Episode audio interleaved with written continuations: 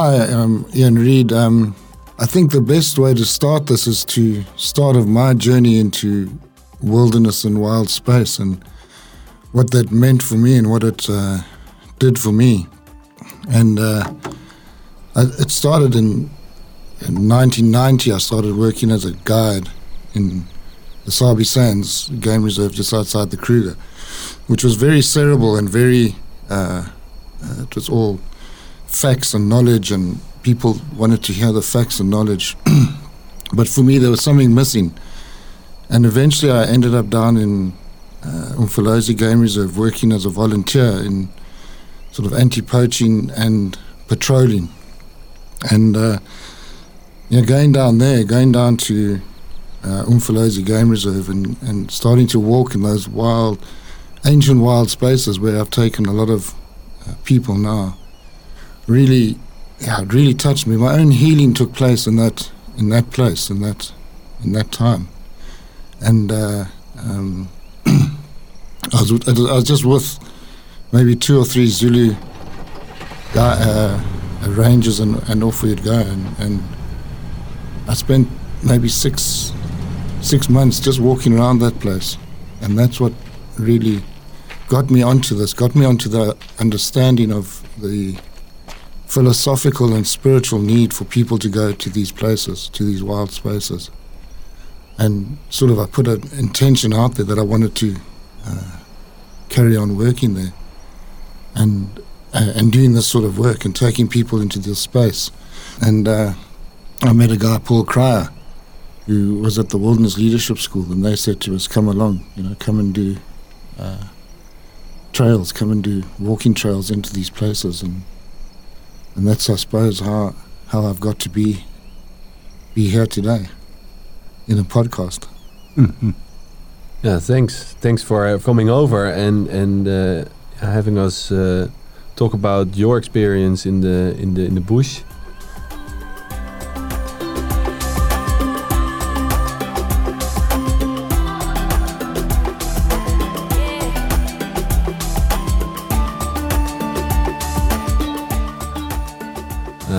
this is uh, Leaders into the Wild, a podcast uh, recorded by Nick and, and Boy, father and son. And uh, yeah, actually, we said we we stopped with the season, but then Ian came, and then we saw. Then we said to each other, "We have to start a, a second season. we have to start a second season, and, and we do it in English." and and, and I'm so great that uh, that Ian is uh, is is uh, prepared and, and willing to to to to be the guest in our podcast. It's so we are so happy to to have you here because you are the I would say the personification of of uh, of wild nature. And uh, and I've been on trail with you a couple of times. Uh, I don't know how how many, maybe five or six or something like that. And it was always uh, a great new experience. Every trail was a new experience. And uh, so we are very happy that you're here, and we're going to talk about uh, about what yeah what what makes a trail, what makes a trail, and uh, you already told us something about where it started for you, but Ian, what is can you describe your first, let's say, defining moment? You in uh, in a trail? Yeah, I mean, boy, so many, you know, so many.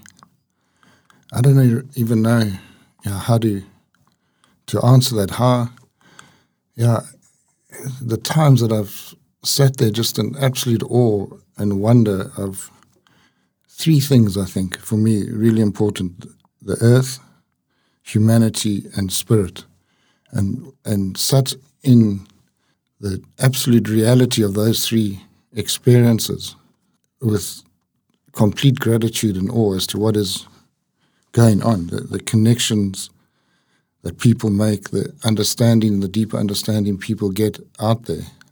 It's difficult to pinpoint exactly, you know, it's exactly what, each each moment, but it's yeah, it's just being in that space, being in those in, mm. with those three, with those mm. three things. I think we have been discussing um, yeah, leaders going to uh, these places in nature, you are uh, welcoming welcoming them into your your space of of nature. What do you see happening? People coming out of this world and this context going into your context. What's the process that you observe uh, in in these days? Well, I mean, the first thing, Nick, is, is uh, I mean, um, right now I'm out of my comfort zone completely. You know, sitting, uh, my heart's beating, my mouth's dry, and, and I'm sweating a little bit. And that's what happens to them. Yeah. They, they, they, they're pushed out of their comfort zone. You can imagine uh, driving down a road. You slept in the bush that night in a lodge and, and driving down the road, and there's big piles of dung, and you might have he- heard hyena calling in the night or lion calling in the night.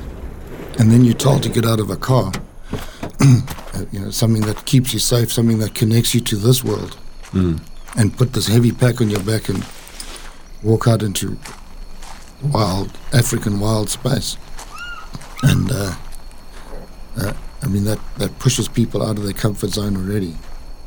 So we really take time to honor that crossing, to honor the crossing between the two worlds, the, structured world and the, and anti-structure, and the rational world into the intuitive world, and the profane into the sacred world.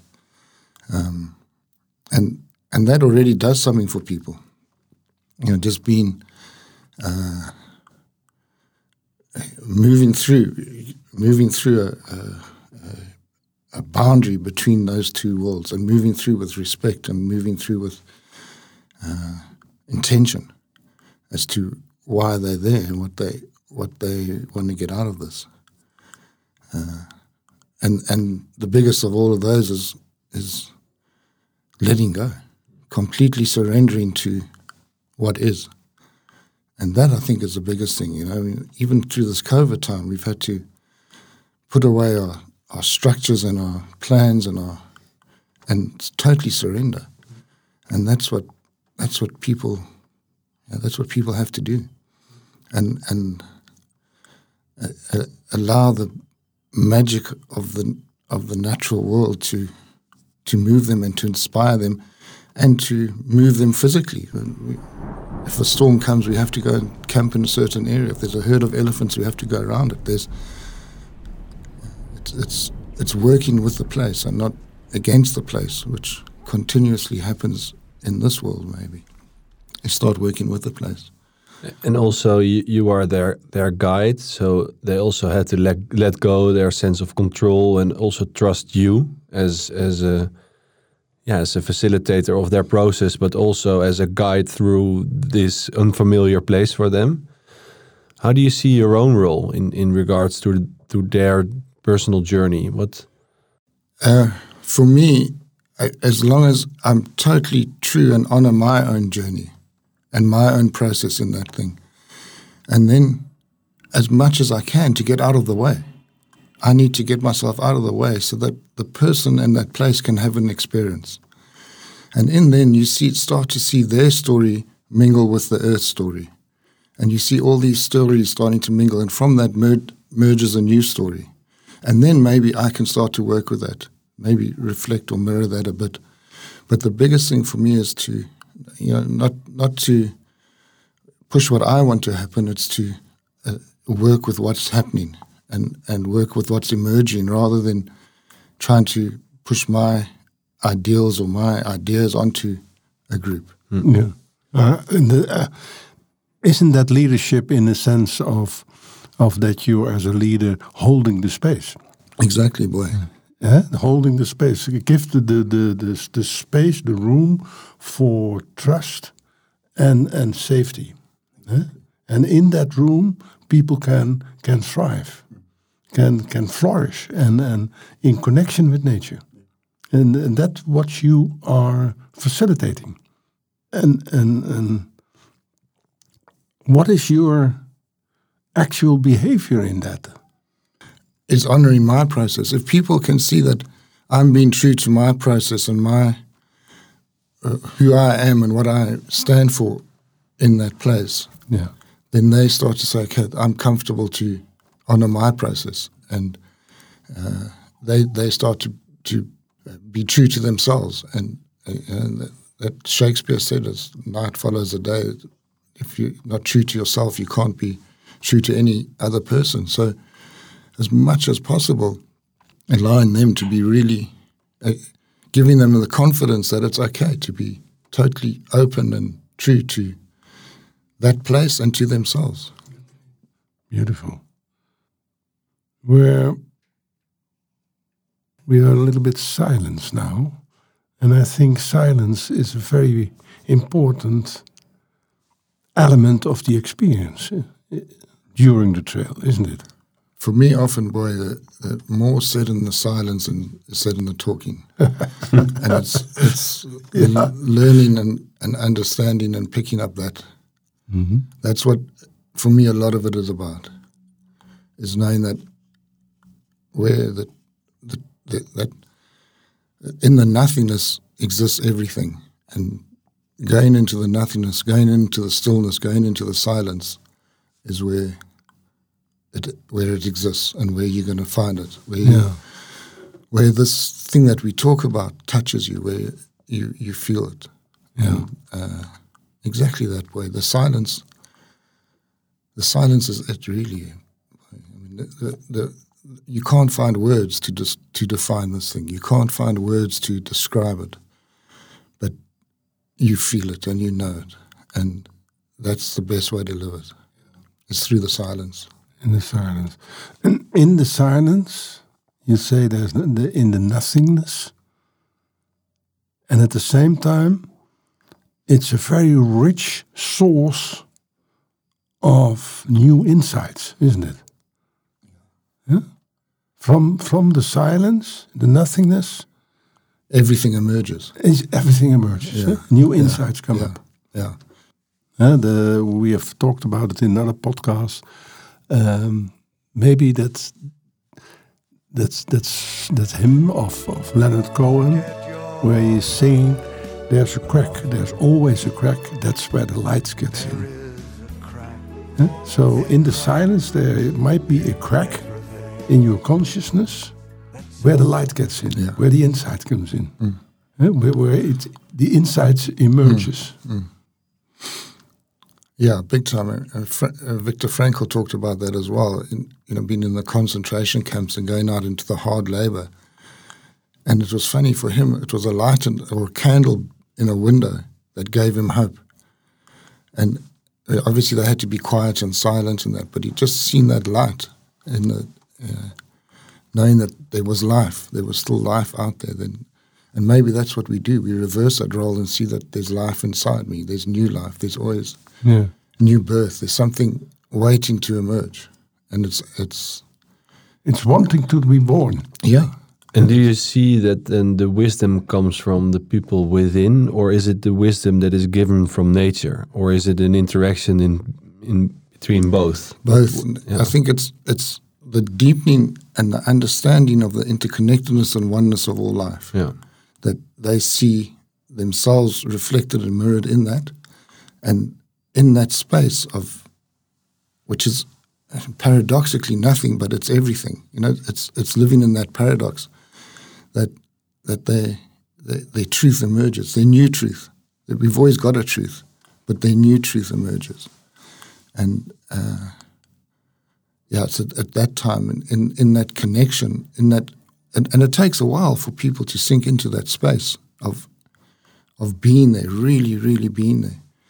But uh, on this trip in the Amsterdamse Bos, we've got there. You know, in, in the Amsterdamse Bos, we can do it. It's it's everywhere, and and, and you know the, the the challenge is wherever you are to be there. You know, wherever you are, you're there. That's our challenge. That's uh, and and it is that place is for me the absolute reality of all life. That is live and being in that space. But my challenge and all of our challenges is to be it wherever we are, or in this podcast, in this room, to to exactly, boy, when you said let's go into the silence, and, and be in the silence, and then then I'm relaxed. Then mm-hmm. then that slows me down. It's yeah, we here. Yeah.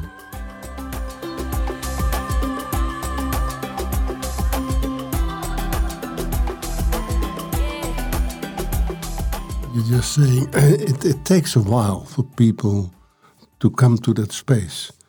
Uh, on a trail, uh, is this process of, of, of, of awe and, and, and wonder about nature. And, and then this comes this, this connection with nature, your senses are sharper and so on. But what is your experience? How long does it take for people to come to that place, to that spot? Yeah, I mean, I'd, I'd say three or four days. Boy, it, it, it's it's the letting go and the surrendering to what is is the 1st Mm-hmm. uh, the the first thing, and and slowly you see them sinking down, sinking into it. Maybe it's on a night watch. Maybe it's lying in your sleeping bags, looking at looking at the stars. Maybe it's at the river, watching the river, just watching the sunlight reflected on. But so, exactly like you say, suddenly your senses are tuned in to everything that's there, and you feel that you you are it. And yeah, for three or it takes usually three or four days, and then people you see people sink into it, and then that's when it's that's when the work starts. That's when that's when uh, th- with that connection we can start to work with with, with how they want to manifest or crystallize that thing inside them, what they feel inside them. Yeah. Yeah. Which again is so hard, boy, because how do you define it? How do you, you know? But yeah, you, it's beautiful for me to come to the Netherlands and see people who have felt this and, and understood their next move, and then to see it fulfilled back here. You know that that never happened in the beginning of my work, and I never saw saw it being sort of manifested or crystallized back here, and that's. Uh, Yeah, but so you, you, you, see people back, you see, you meet them again here in the Netherlands, and you see that they have been, no, had a mind shift, that they have been, transformed, and they put that also in action. yeah, You see the same twinkle in their eye, maybe. Uh, yeah, and when we see each other, Yeah. and it's crazy because we've, we we don't know each other from a from a bar of soap, you know. Yeah, but, yeah. but we, when we see each other after eight days, we have such a connection. We have such a,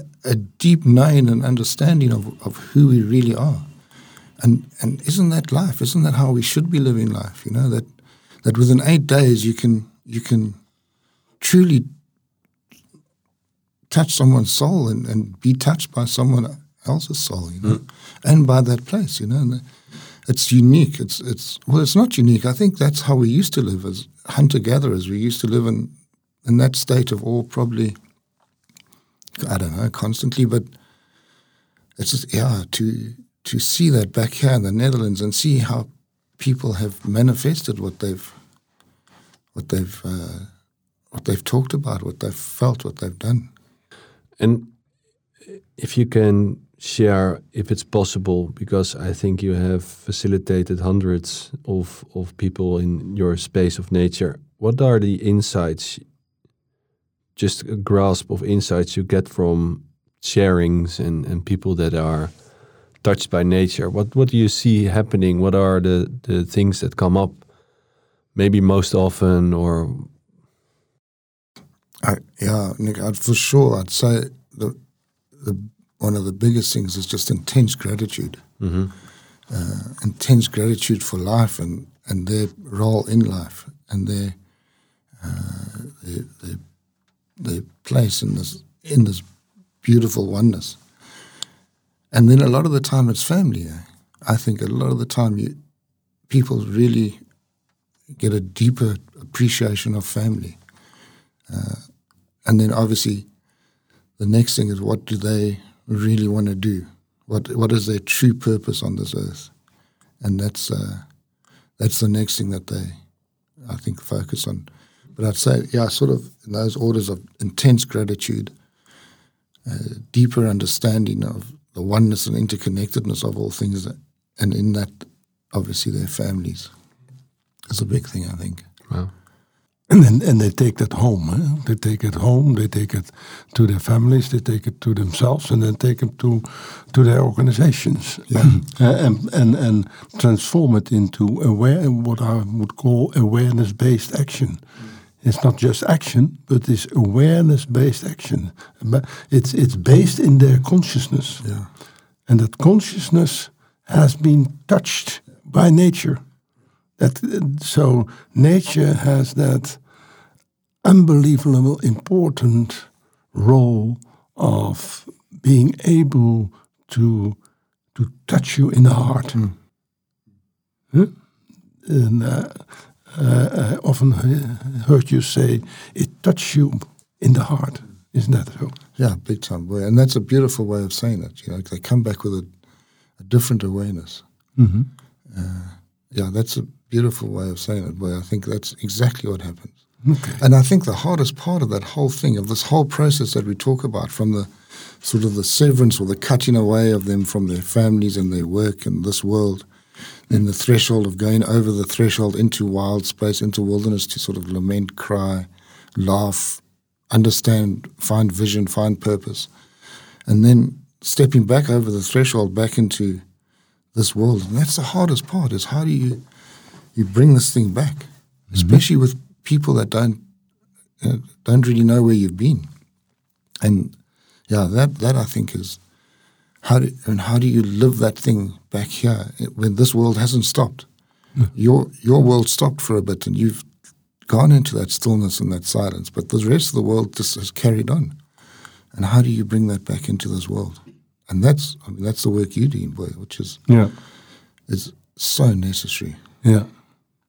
And and to expose their influence uh, in a in a yeah, in a positive way on the organization, and uh, hopefully that somebody uh, other people pick it up.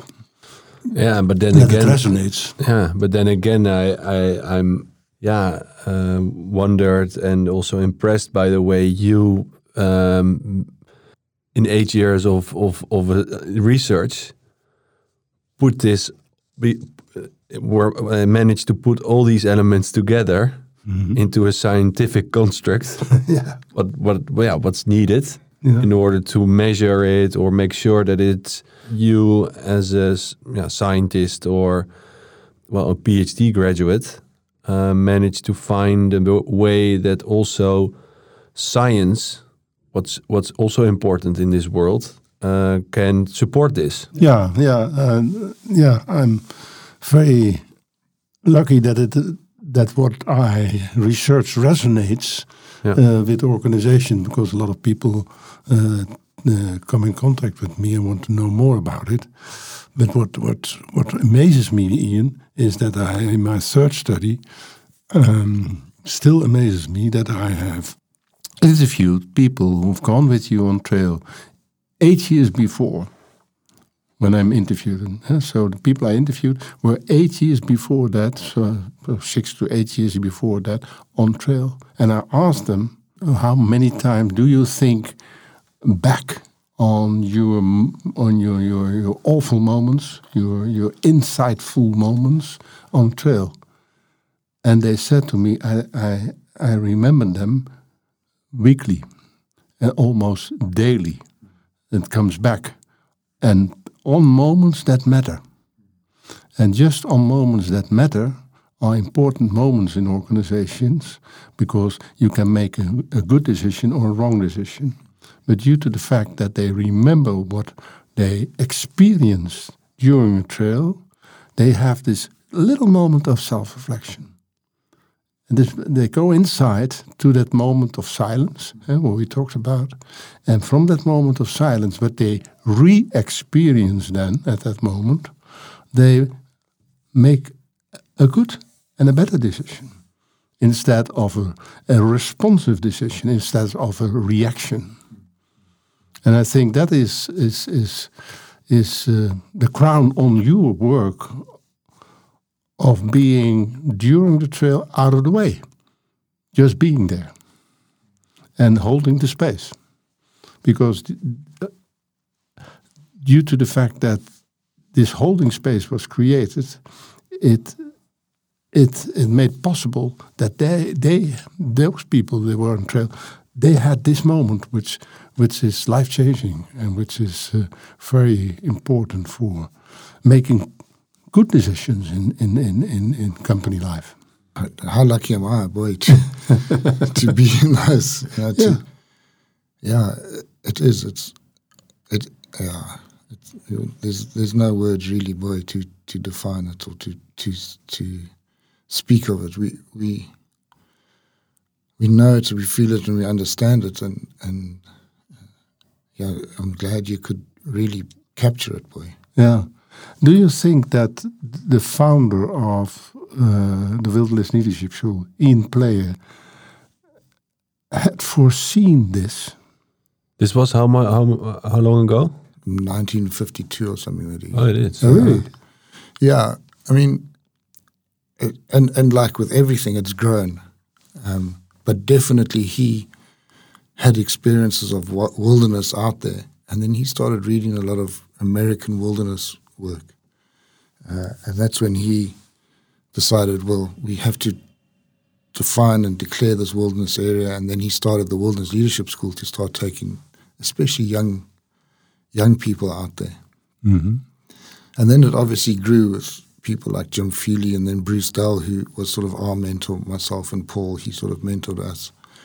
And and yeah, we sort of it started to grow in that. But I think for sure he he definitely he he he saw what wilderness did to him. Like my first experience of being out there, just walking with with with Zulu uh, rangers, and knowing what that did to me, um, he he definitely that he knew that that that's what he needed to do.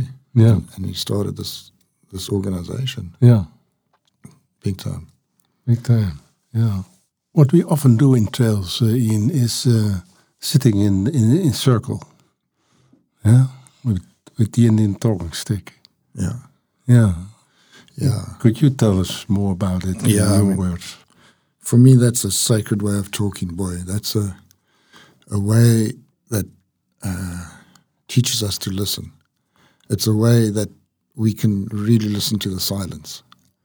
And and in that silence, in, in that little circle, in that microcosm, the whole macrocosm, the whole of Earth is reflected into that circle. And to sit in that space uh, and and be totally connected with everything and everyone in that circle, and and the words that will then come out are the truth. And um, yeah, sort of, it gives everyone a chance to really speak and not take advice and not be told what to do. Uh, it it allows people to really say what they're feeling, and and a lot of the time you see in their faces they didn't even know where that came from. Where did that, what they've just said, where did that come from? And that, often that's that, know, and with me that happens as well. Where you just say something, you think, "Jeepers, what? Where did I even get that idea from?" And it's just from taking the time to really speak from the heart and to really listen from the heart, and and listen to what's not been said as well. Mm-hmm. And in that, in that talking, the truth and the, even you know, exactly like we say, stuff that you don't even know, you don't know where it came from. You see it on people's faces, and that when that comes out, that's that's beautiful. And then the the whole of that that place is reflected and mirrored in that in that uh, circle, and, and and seeing that sort of um, the the earth speaking, the earth speaking back to the people, the earth people knowing that that that that happens, that that sort of is is backing up exactly what they're saying and what they're feeling, Yeah. and and it's a beautiful place to be in. Yeah. And you say the earth is also resonating with them, eh? Yeah. In, in, in a kind of synchronicity. Yeah, Did you experience that as well? Yeah, synchronicity. Uh, you have an expa- example of that? What what happens? Yeah, the whole time it's happening, boy, where where um, yeah, symbolism, I suppose, as well, is, is taking place the whole time, where, where people are getting meaning from from uh, things that are happening around them. Mhm. Yeah, and and I'm also wary of of putting out people's experiences. You know, and I, I am wary of that. You know, whether people want those things talked about or, or mentioned. Uh, but yeah, definitely you, you see you see how those those all work. I, I remember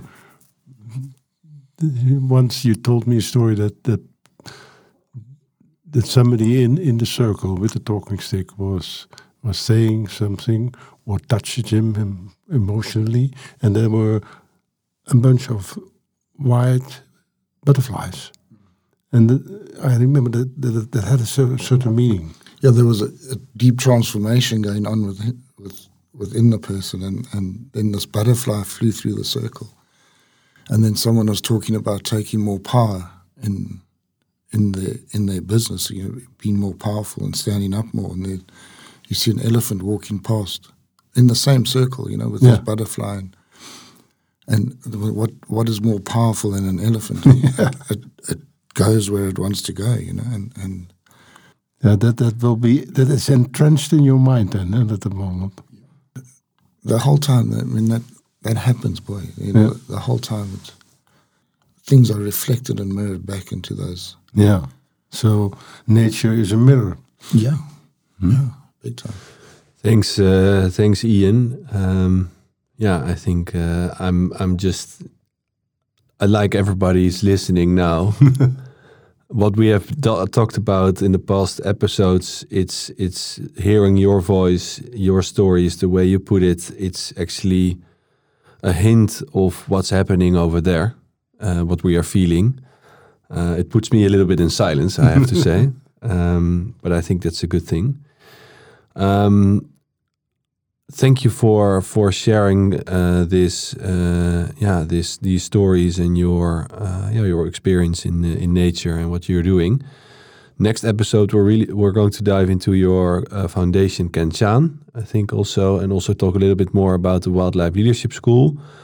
Uh, just so everybody also knows a little bit more about you and what you're doing, at your work is and of course a lot of um, yeah, beautiful anecdotes and stories about nature will uh, will emerge uh, from from that uh, conversation. Um, but for now, um, yeah, we'll uh, we'll finish this episode, but definitely more to come next episode. So stay tuned for Leaders into the Wild with Boy, Nick, and Ian this time, Yeah, and Ian, Ian Reed of the Wilderness Leadership School and Kenshan. and Kenshan. And, Um, uh, and if you want to know more about this, go to the website of the Foundation of Natural Leadership, naturalleadership.eu. EU, yeah. And de transformatiegroep.nl. Um, but also we'll put uh, the links of Kenchan and uh, the Wildlife Leadership School in the show notes, and maybe uh, a little bit more about Ian, so you can uh, read up on uh, on him. And if this really attracts you, def- I don't think that it, it definitely will attract you to to to sign up for uh, to go on a trail.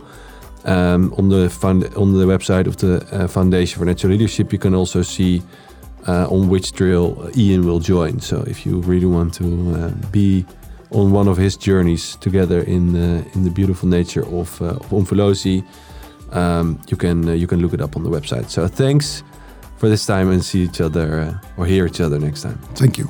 Thanks a lot. Thank you.